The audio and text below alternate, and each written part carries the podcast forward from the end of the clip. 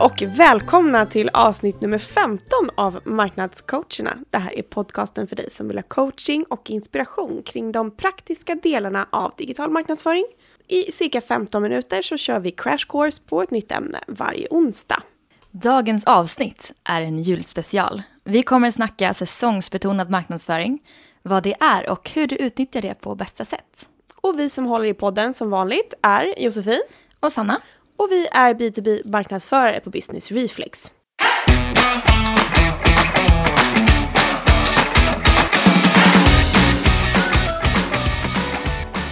När vi pratar om säsongsbetonad marknadsföring så syftar vi på att man anpassar sin kommunikation kring vad som är aktuellt just nu. Er bransch eh, och därmed för era köpare. Och generellt sett så handlar det ofta om eh, högtider som jul eller nyår eller dagar som, eh, ja vad ska vi dra till med, alla hjärtans dag kanske. Och nu senast så var det många som körde världens promotions under Black Friday. Precis, det kan vara den typen av event och sen kan det också vara saker som infaller en viss tid på året varje år i just er bransch. Till exempel att det är årsbokslut eller årets största branschevent. Och i det här avsnittet så kommer vi att fokusera främst på våra högtider. Så Josefin, vad säger du? Varför ska man satsa på säsongsbetonad marknadsföring? Generellt sett så är vi mer benägna att dela säsongsbetonat content. Till exempel att nu vid jul så går det för de flesta av oss och tänker på allting som har med julen att göra, på gott och ont. Så att content som har med julen att göra passar liksom naturligt in. Det får en litet flow i våra liv eftersom att det är där vi har lite feeling just nu. Just det. Jag läste ett bra citat när vi researchade lite på seasonal marketing. Det låter ju alltid mycket coolare på engelska. The season is already on our minds so that type of content enters naturally into our lives. Vi är väldigt mottagliga. Och därför ökar ju söktrafiken på säsongsbetonade begrepp såklart i takt med att vi närmar oss respektive högtid och säsong. Och vi vet att det kommer tillbaka varje år så man kan också satsa på inlägg som kommer liksom leva vidare år efter år. Kan det vara så att vi inte bara är mer mottagliga och att vi söker mer på det, utan att vi också förväntar oss att det, marknadsför lite, alltså att det marknadsförs lite kring det också? Mm, ja men säkert. Det går man väl lite och vänta på. Och det är ju lite vanligare eh, inom B2C. Eh, och särskilt när det kommer till sådana saker som Black Friday. Just det. B2B lite svårare att rea ut sitt lager. Ja, det är inte riktigt typ samma typ av köp man gör kanske som konsument. Eller det, det är det ju inte. Nej, så de flesta exempel ser man ju då inom B2C, alltså business to consumer, och kanske framförallt hos produktföretag, alltså som julklappsguider, alltså de bästa kapen inför Black Friday eller alla hjärtans dag och så vidare. Men det finns ju liksom flera olika sätt att utnyttja säsonger, även inom B2B. Och eh, så här, det är fyra dagar kvar till jul när det här kommer ut. Och vi börjar väl med att gräva där vi står. Så eh, säsong ett, vi pratar om jul. Ett bra sätt att eh, använda julen i sin marknadsföring som B2B-are är att göra någon slags julkalender, alltså en nedräkning fram till jul. Du har ju som mål att få in här så många nya kontakter i databasen som möjligt. Men det kan också handla om lead nurturing, alltså att du vill ta hand om de kontakter som du redan har där. När vi säger julkalender i det här sammanhanget, produktföretag har ju ofta till exempel 20% på en ny var- vara varje dag fram till jul. Men här pratar vi om e-mailkampanj.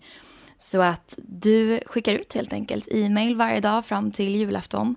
E-mail fyllda med relevant innehåll. Bestäm dig för ett tema först och främst när man ska skicka ut ett sånt här mejl. Till exempel 24 saker som du inte visste om.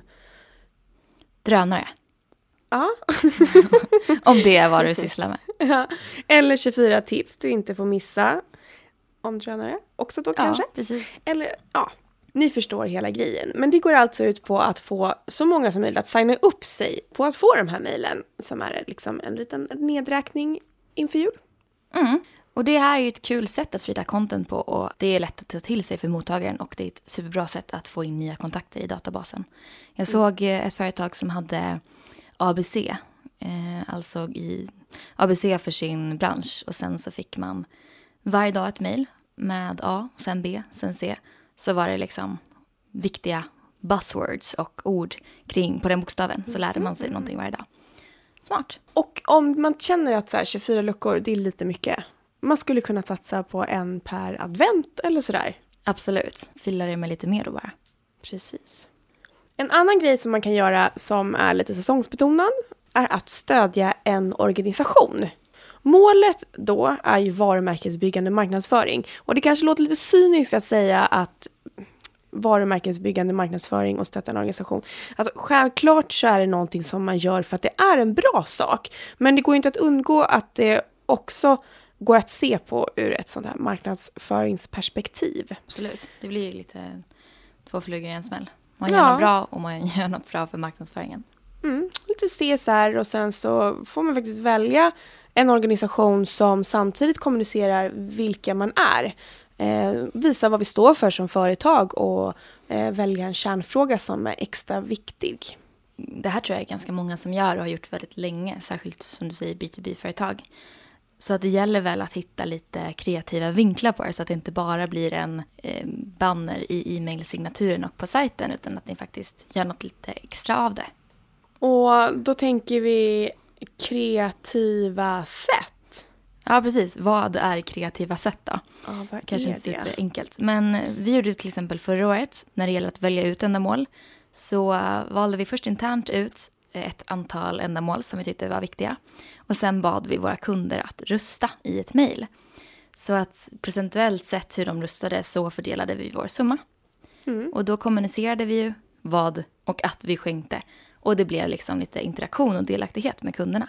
De fick känna att de liksom var en liten del av den här julgåvan. Precis. Ja, så hitta ett eh, ändamål eller organisation som ni känner att ni kan koppla till det som ni själva gör på något sätt. Och det behöver liksom inte ha den här direkta kopplingen, utan det skulle ju kunna vara att det är någonting som är lokalt bara. Det skulle kunna vara så att ni som företag har ett speciellt särskilt intresse av något eh, område. Någonting som är aktuellt och händer i världen. Eller ja, men ni fattar, ni har sett Ja. det här förut. Det är det ni ska göra. Yes. Sen kan man ju göra en egen insamling också. Precis. Ett lysande exempel på det är ju eh, standupmaraton.se. Man reggar sekunderna, eller de reggar sekunderna som du står och jobbar och omvandlar det till kalorier och så skänker de ett visst, eh, ja men en viss peng då till välgörande ändamål. Och du har väl testat det här? Ja, jag sprang på den av en slump. Så en kalori här, eller en kalori som du står upp och förbränner är en kalori som de skänker. Ja, så man skänker mat. Ja, ja. Mat. Ja, vilka var det som Food. gjorde den här? Var Det den är ett företag som säljer ergonomiska mattor, alltså sådana som du står upp och jobbar på. Så när man väl, man går alltså samma sträcka som New York Marathon sträcker sig. Och Ja. sen när man står upp så klickar man på stå. När man sätter sig ner klickar man på sitta. Mm. Och eh, så kan man ju se det kopplat till Facebook så man kan se alla ens kollegor eller vänner som också är ute och vandrar den här sträckan. De gör ju såklart reklam för sina mattor under loppet. Så här, nu har det gått en mil, du börjar bli trött i fötterna. Den här Köp mattan kommer... Ja. Så Nej, men det är klockrent där har de verkligen. Mm. tydlig koppling. Och något bra. Grymt ju. Nyår då? För då lämnar vi någonstans, det är ju nästa steg, nästa puck är nyår. Nytt år, nya möjligheter. Här tipsar vi om att skriva strategiska bloggar som är knutna till året som gått och till året som kommer. Här handlar det mycket om att eh, jobba på SEO, alltså att hitta de relevanta söktermerna som man vet kommer ploppa upp under nästa år, så att man är först på bollen. Och sen också att stärka thought leadership, alltså visa att man, man kan det här ämnet, man liksom siar om framtiden, man har koll. Så dels, som sagt, så kan man sammanfatta året som har gått. Den bör man ju släppa typ nu, så att det inte är för sent. Där man kanske berättar om industritrender som har varit, relevanta happenings och gör en liten nyårskaramellvinkel på det. Mm, bra tips. Jag tänker på någonting som även jag har, har gjort nu här redan innan nyår. Och det är att söka på trendspaningar inför det nya året. Just det. Och jag lovar att jag inte är den enda, utan det är många som söker på det. Alla vill vara uppdaterade och känna att de har liksom koll när de är tillbaka på jobbet i januari. Verkligen. Så man tar sin bransch och så lägger man helt enkelt till 2018 års, eller 2018s trender kring detta ämne. Lovar, det är ett hett content. Efter nyår så kommer den härliga påsken och våren. Vad har vi att säga där? Våren innebär ju för många att fräscha upp och förnya sig själva. Och med nya kunskaper och sådär. Dessutom så har ju folk inte hunnit bli utbrända än. Man är ju fortfarande lite frisk. Och, man har krafterna kvar. Man har krafterna kvar. Så då skulle man kunna förbereda lite sån här undersökning tänkte jag. Alltså jag tänker så här att man genomför undersökningen på våren. Mm. Sammanställer under sommaren när det är lugnt och sen har man ett superhett content att pusha ut. Som man också skulle kunna basera ett webbinar på. Absolut. Skulle kunna också vara kopplat till eh, den här eh, nyårstrendspaningen. Är vi liksom på spåret? Ja. Så som vi trodde. Precis, det finns många vinklar. Undersökning på våren när alla är pigga och har hopp om livet. Ja. Okej, vi kliver in på sommaren. Det är inte så stor idé att lägga allt krut på att nå fram där. De flesta checkar ut, skjuter upp de där stora lite tyngre grejerna tills de är tillbaka från semestern. Vissa beslut går ju inte att ta på en handvändning så den typen Nej. av grejer som man ska chefen bita på... tag i liksom. Precis, chefen är på Mallorca och kan inte svara just nu. Nej. Däremot så vet jag att eh, vissa typer av content som är lite mer lättsmält sådär eh, kan få lite mer kärlek under tidpunkter som är liksom lite mera manjana så. Typ söndagar och andra längre ledigheter. Mm. Till exempel eh, bloggar. Ja, precis. Så att här är det perfekt att samla ihop gammalt, alltså befintligt content, som du säger, bloggar, guider eller vad det nu är och pytsa ut i en nurture-kampanj under sommaren. Man samlar på sig ny kunskap och inspiration inför hösten. För det är något som många gör, man vill liksom vara uppdaterad och redo när man väl är tillbaka vid eh, skrivbordet mm. efter sommarens all flädersaft. här kan man göra på samma sätt som i julkalendern då, fast gör det redo för hösten också. Ja, just det. Eh, hösten är ju nystart på många andra sätt också. Ofta mm. så är det då man får lite så tillskott också i teamen eller man mm. eh, börjar ta sig an nya frågor eller områden. Eller, ja. Och när sommaren är helt över, då är det dags att komma in på hösten för att sen börja tackla de här mörkna månaderna fram mm. tills dess att det blir jul igen. Och det ni ska göra då är ju självklart att putsa ut den där eh, undersökningen som ni har gjort. Precis, ni har världens bästa content, klart. Och som du sa mm. tidigare, gör fler saker av den. Alltså presentera resultatet i ett white paper, i ett webbinar, i en bloggserie. Härligt. Det var hela året på cirkus 15 minuter då. Nästa gång åker vi jorden runt. Men slutklämmen här, några sista tips. Precis, alltså så här, tänk efter. Vad går era köpare att fundera på just nu?